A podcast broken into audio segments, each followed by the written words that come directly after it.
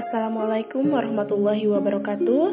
Perkenalkan, nama saya Diah Mardia, mahasiswa Universitas Matlaul Anwar, Prodi Bimbingan dan Konseling. Pada mata kuliah Bimbingan dan Konseling Perkembangan, saya akan mewawancarai seorang narasumber yang memiliki masalah psikis, yaitu depresi. Sebelum itu, saya akan menjelaskan apa yang dimaksud dengan depresi. Depresi adalah gangguan suasana hati atau mood yang ditandai dengan perasaan sedih yang mendalam berkepanjangan dan rasa tidak peduli terhadap lingkungan sekitarnya. Depresi bisa menyerang siapa saja, bahkan mungkin Anda telah mengalaminya. Seseorang dapat dikatakan mengalami depresi jika Gejala-gejala yang dimaksud dengan depresi tersebut telah berlangsung selama dua minggu. Ada beberapa gejala yang muncul pada seseorang yang mengalami depresi, baik itu gejala secara fisik atau psikis.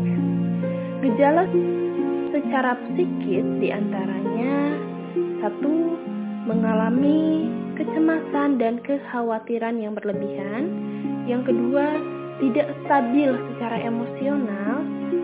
Yang ketiga, merasa putus asa atau frustasi. Sedangkan gejala fisik di antaranya yang pertama, selalu merasa lelah dan tidak bertenaga. Yang kedua, selalu merasa pusing dan sering merasa nyeri tanpa ada penyebab yang jelas. Dan yang ketiga yaitu mengganggu selera makan. Baik, langsung saja untuk mempersingkat waktu, saya akan langsung melakukan wawancara bersama seseorang yang identitasnya dirahasiakan. Halo, apa kabar? Alhamdulillah baik. Apakah minggu-minggu ini Anda lebih sering menangis daripada minggu-minggu sebelumnya? Iya, memang untuk minggu ini bisa dikatakan hampir tiap hari karena emang beban kehidupan saya e, untuk di minggu ini bahkan untuk di bulan-bulan ini sangat berat. Jadi apa ya? Saya kira bagi diri saya sendiri pengobat rasa sakit yang sedang saya alami itu cuma nangis. Solusinya itu doang uh, apakah Anda tidak pernah curhat ke orang lain?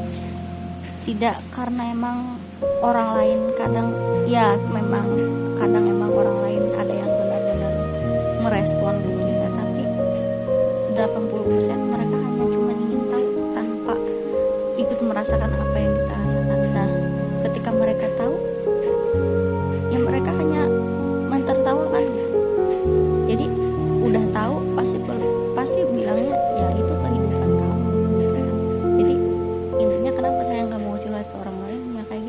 lebih baik saya pendam sendiri gitu. Buat apa?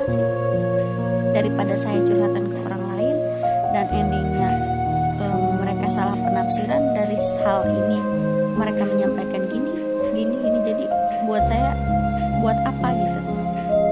Setiap orang pasti memiliki sahabat teman baik saudara uh, yang istilahnya lebih dekat dengan kita gitu. Tahu seluk kehidupan kita kenapa tidak mencoba cerita ke orang tersebut? Uh, sudah pernah cerita bahkan juga uh, hampir dibilang sering gitu cerita kepada orang lain yang memang dianggap kita itu paling dekat dan akan memahami kondisi kita gitu. Tapi di balik itu semua uh, pemikiran kita salah. Jadi ketika kita mempercayai itu semua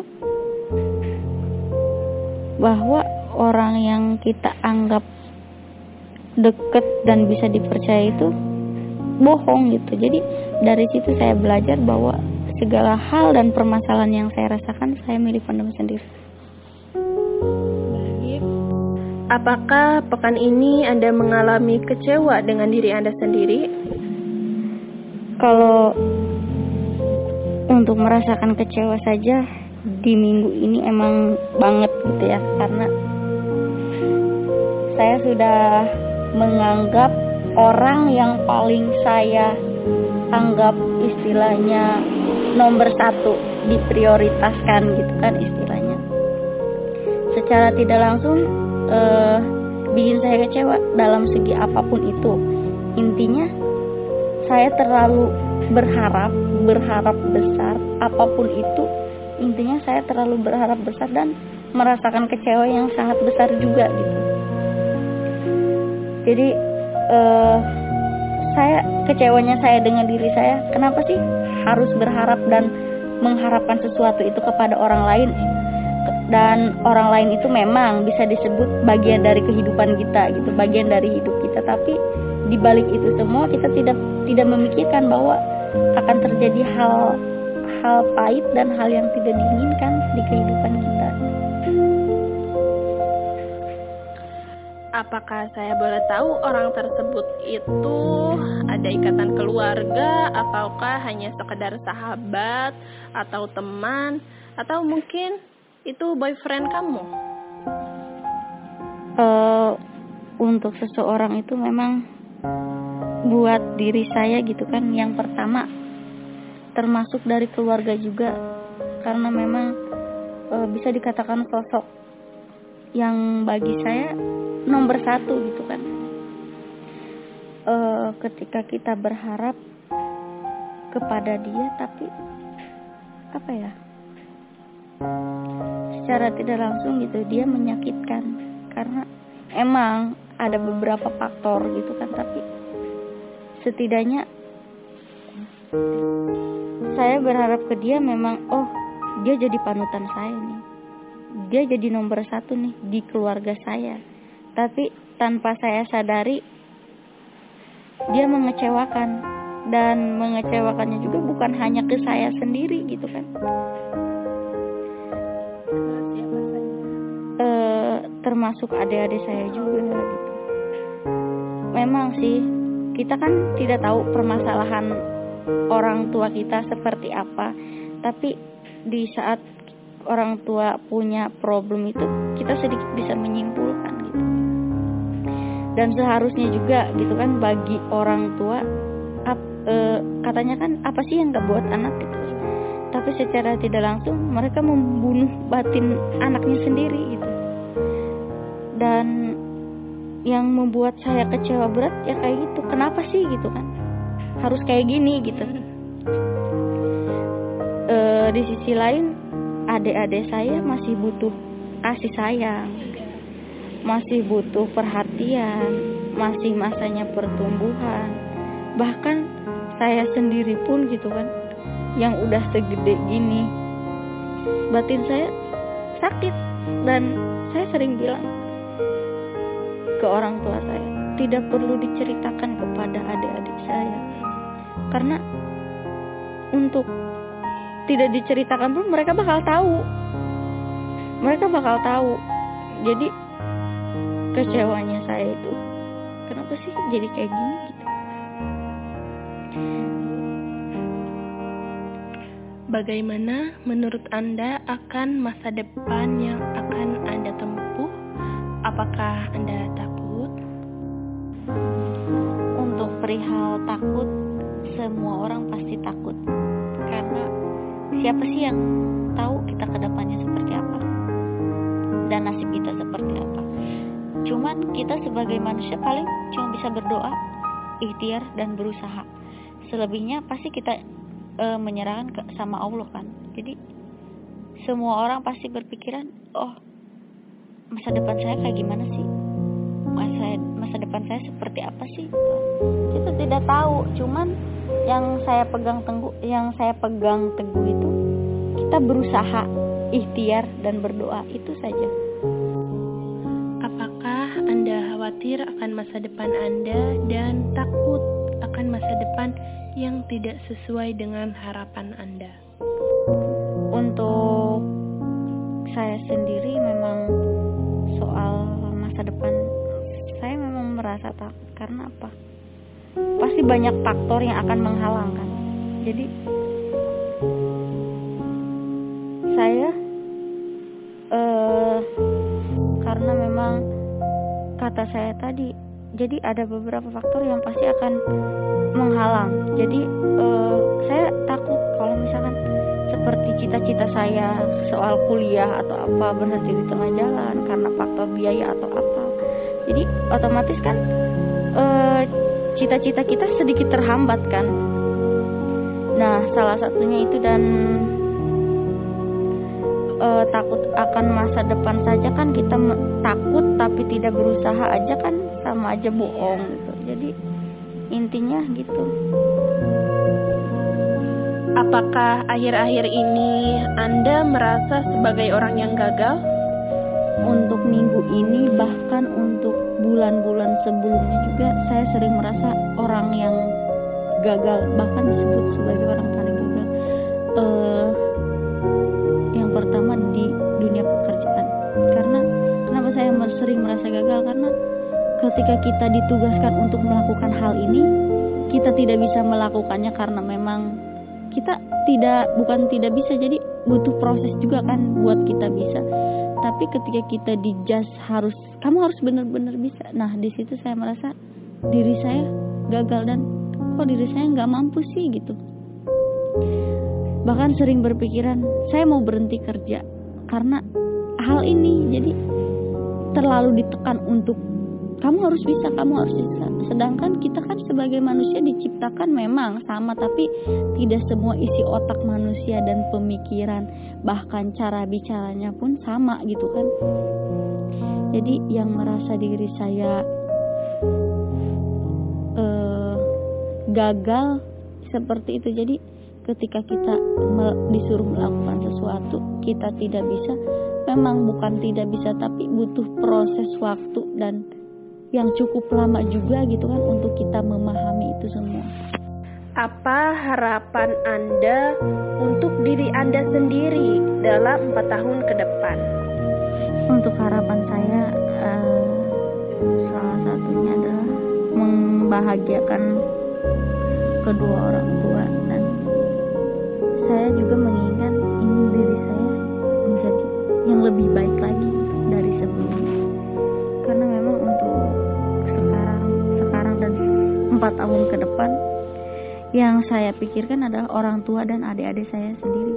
Jadi ketika ada pertanyaan apa sih keinginan saya ya tentu saja.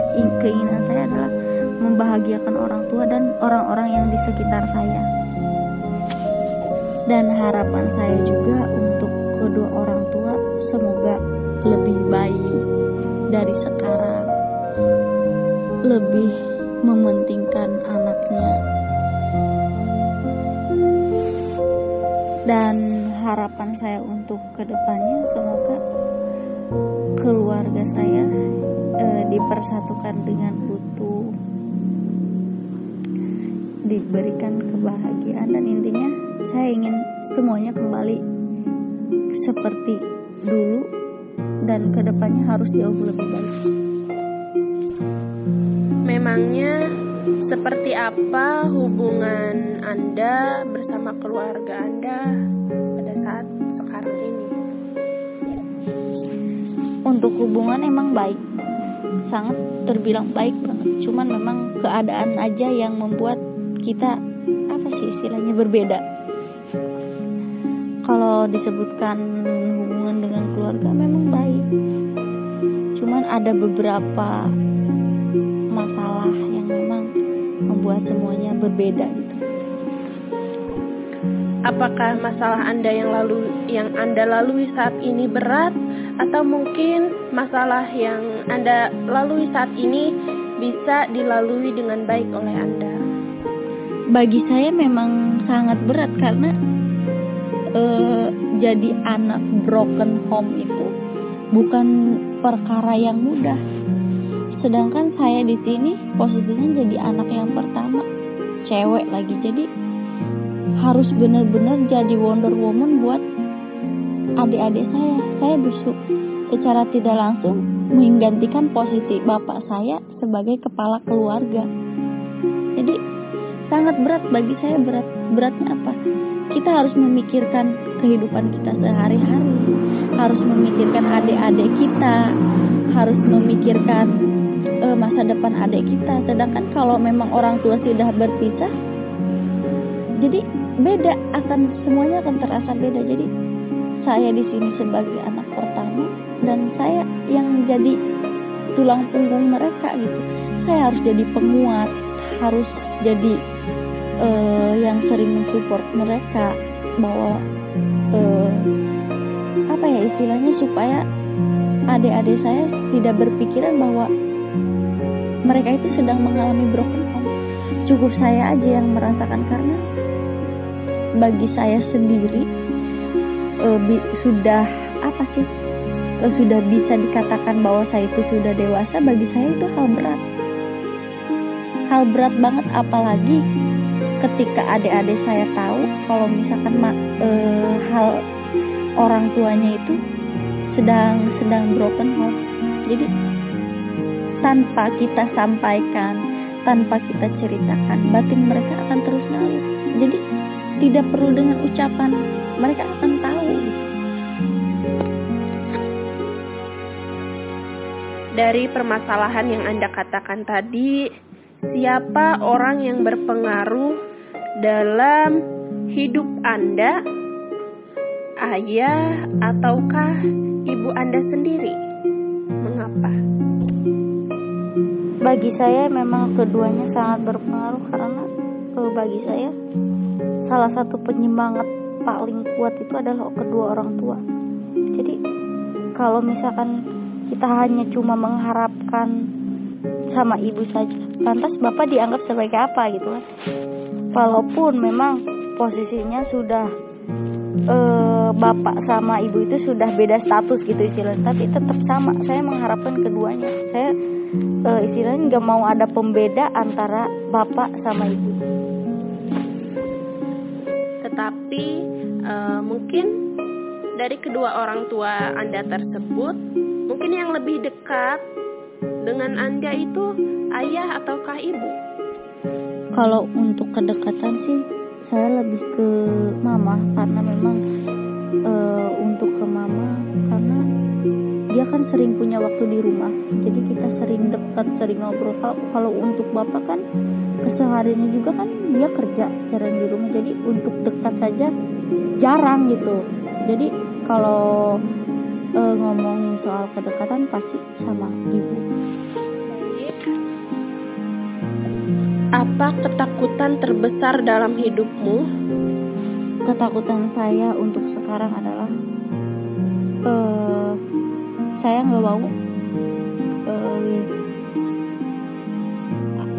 orang tua saya berpisah menjadikan adik-adik saya itu untuk putus sekolah.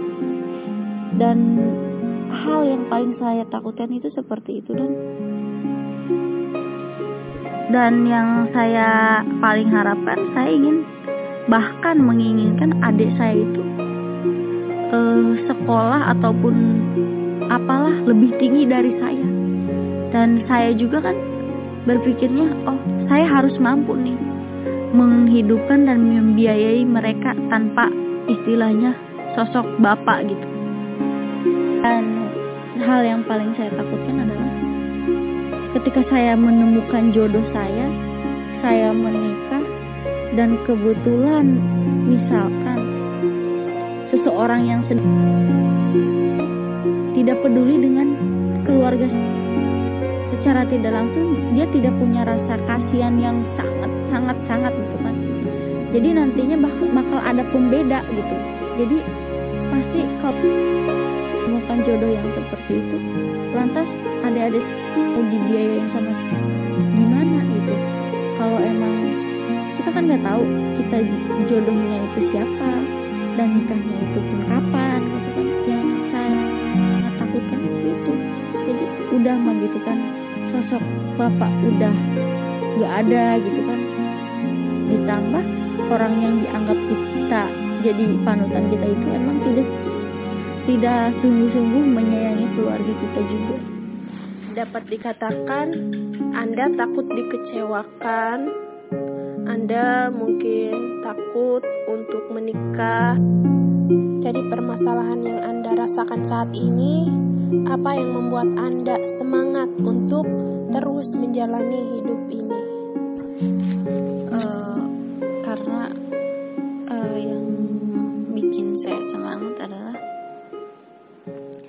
ketika kita melihat keadaan kita harus berpikir oh ada yang harus kita hidupi ada yang harus kita biayai. Jadi salah satunya itu yang bikin saya semangat. Karena memang dan yang kedua adalah support dari orang tua. Kalau misalkan uh, kita semangat untuk menjalani hal apa aja tanpa support dari orang tua itu sama aja bohong Jikalau saya boleh tahu, memangnya berapa adik yang Anda miliki? Apakah adik-adik Anda itu dijadikan sebuah beban dalam hidup Anda? Oh, untuk jumlah adik saya ada tiga. Kalau disebut beban sih enggak, cuman saya ya namanya anak yang pertama kakak yang pertama. Jadi lebih mementingkan gitu. Jadi kalau disebut beban banget sih enggak sih. Apa yang membuat anda tidak percaya diri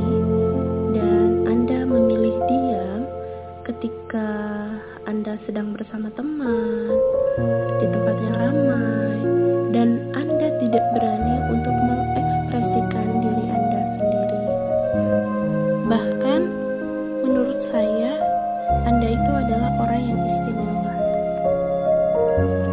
Uh, yang membuat saya nggak percaya diri dan diam itu ketika mereka membicarakan soal. Kalau soal gaya, style atau apa itu kan bagi saya hal mudah dan kalaupun kita nggak mampu buat apa sih kita ngikutin gitu. Jadi yang yang paling saya bikin saya tersentuh atau apa gitu memilih diam ketika lagi sama temen kalau sudah berbicara soal keluarga dan yang uh, membuat saya nggak percaya diri itu kadang uh, iya sering saya juga merasakan ketika lagi bareng-bareng lihat orang bahkan temen yang lebih cantik atau lebih sempurna dari saya kadang minder gitu jadi itu mungkin salah satu yang membuat Anda tidak percaya diri baik. Dapat disimpulkan bahwa dari hasil wawancara saya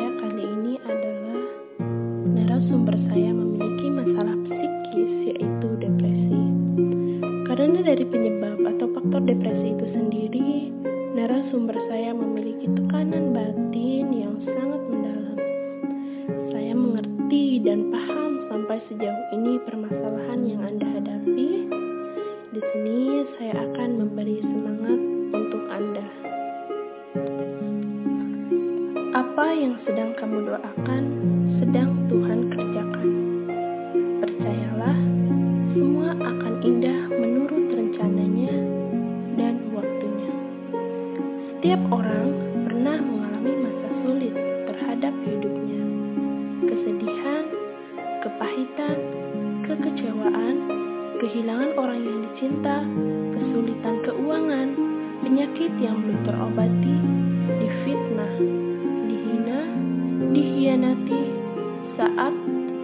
orang yang kamu bantu ternyata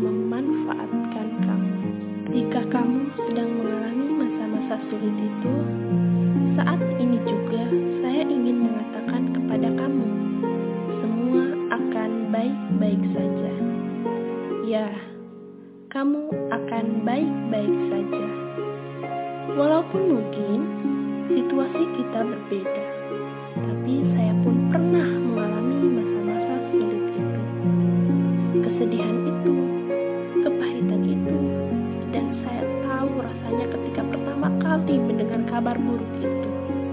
Kaget, lalu tidak terima dalam lubuk hati kita masih berharap dan menolak untuk menerima apa yang terjadi.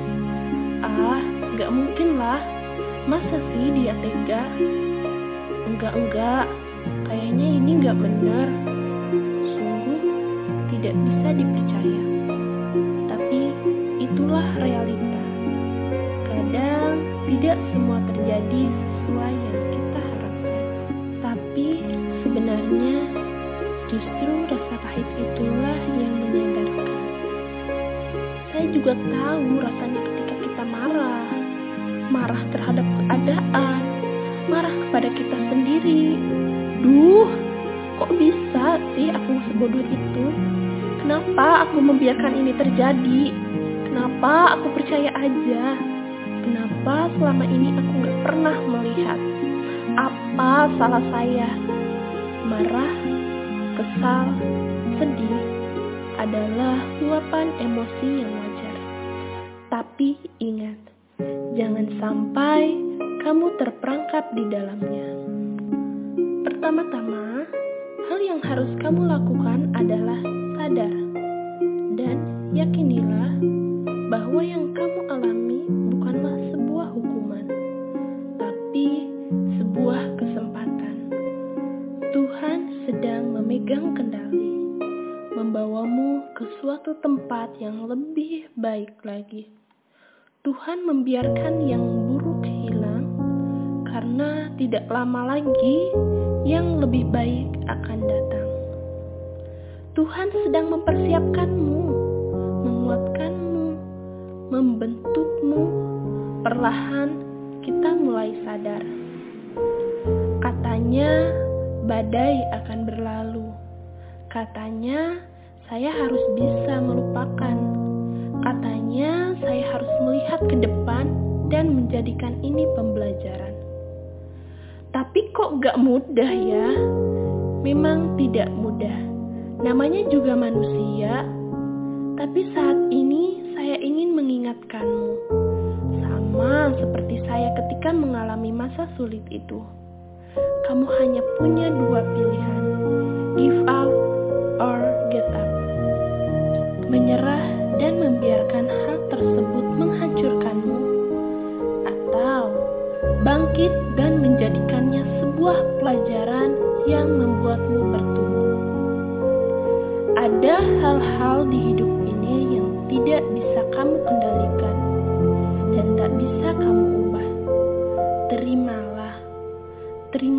dengan tangan terbuka, terimalah dengan ikhlas. Maafkan juga orang-orang yang sudah melukaimu, dan yang paling penting, maafkan juga dirimu. Tidak perlu mengeluh tentang apa yang salah, yang hilang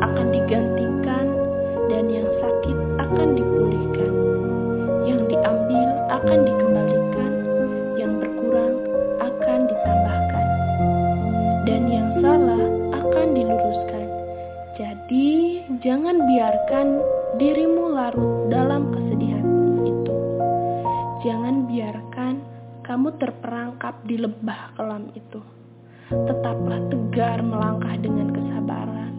Tetaplah tersenyum dengan ketulusan. Tetaplah bersyukur di saat sulit sekalipun. Tetaplah percaya walaupun kamu belum bisa melihat segalanya. Tetaplah setia walaupun kamu tahu ini bukan saat yang mudah. Apa pun yang sedang kamu doakan, sedang Tuhan kerjakan. Percayalah, semua akan indah menurut rencananya dan waktunya. Dan saya yakin, sama seperti saya, kamu pun akan baik-baik.